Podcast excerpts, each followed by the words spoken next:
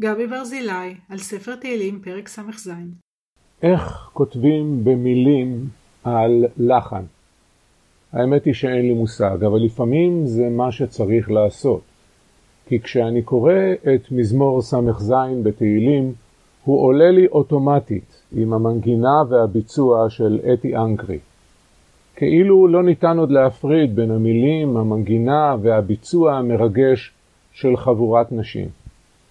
יש איזו עוצמה מהפנטת בריבוי הקולות הנשיים שמרגש אותי עד דמעות.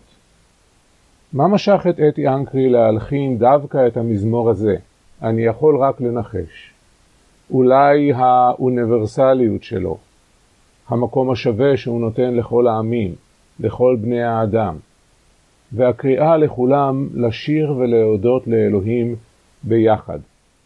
הרי נשים לא נזכרות בו ולא באף מזמור אחר בתהילים. הרי נשים לא נספרות למניין תפילה, ולא נכללו גם בשירת הלוויים. אבל אולי במזמור שכולל את כל העמים, יש מקום גם לעם הנשים. ואם כך, הרי יש גם סוג של מחאה שקטה בשירה הצלולה הזאת. ואחרי הכל אני שב ונזכר בשאלה המרתקת ששמעתי פעם ממנצח מקהלות מוכר ואהוב. כיוון שלא נשארו לנו הקלטות מימי המקדש, וגם לא תווים כתובים, האם יש לנו בכלל אפשרות לשחזר איך נשמעה שירת הלוויים? האם ניתן לשמוע מנגינה מתוך קריאת המילים של מזמורי תהילים? אכן חידה מעניינת שאולי לעולם לא תהיה לה תשובה. אני רוצה לקוות שכך נשמעה שירת הלוויים בבית המקדש. פשוט תקשיבו.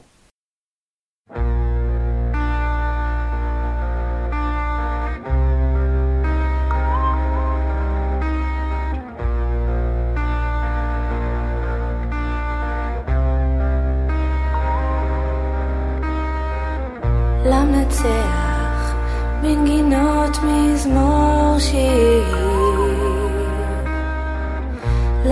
למנצח בנגינות מזמור שיר אלוהים יחננו ויברכנו. יאר פניו איתנו סלע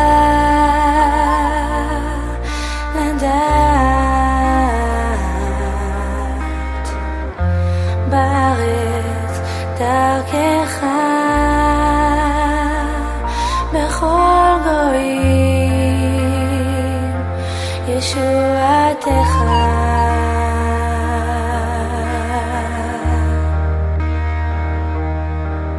יודוך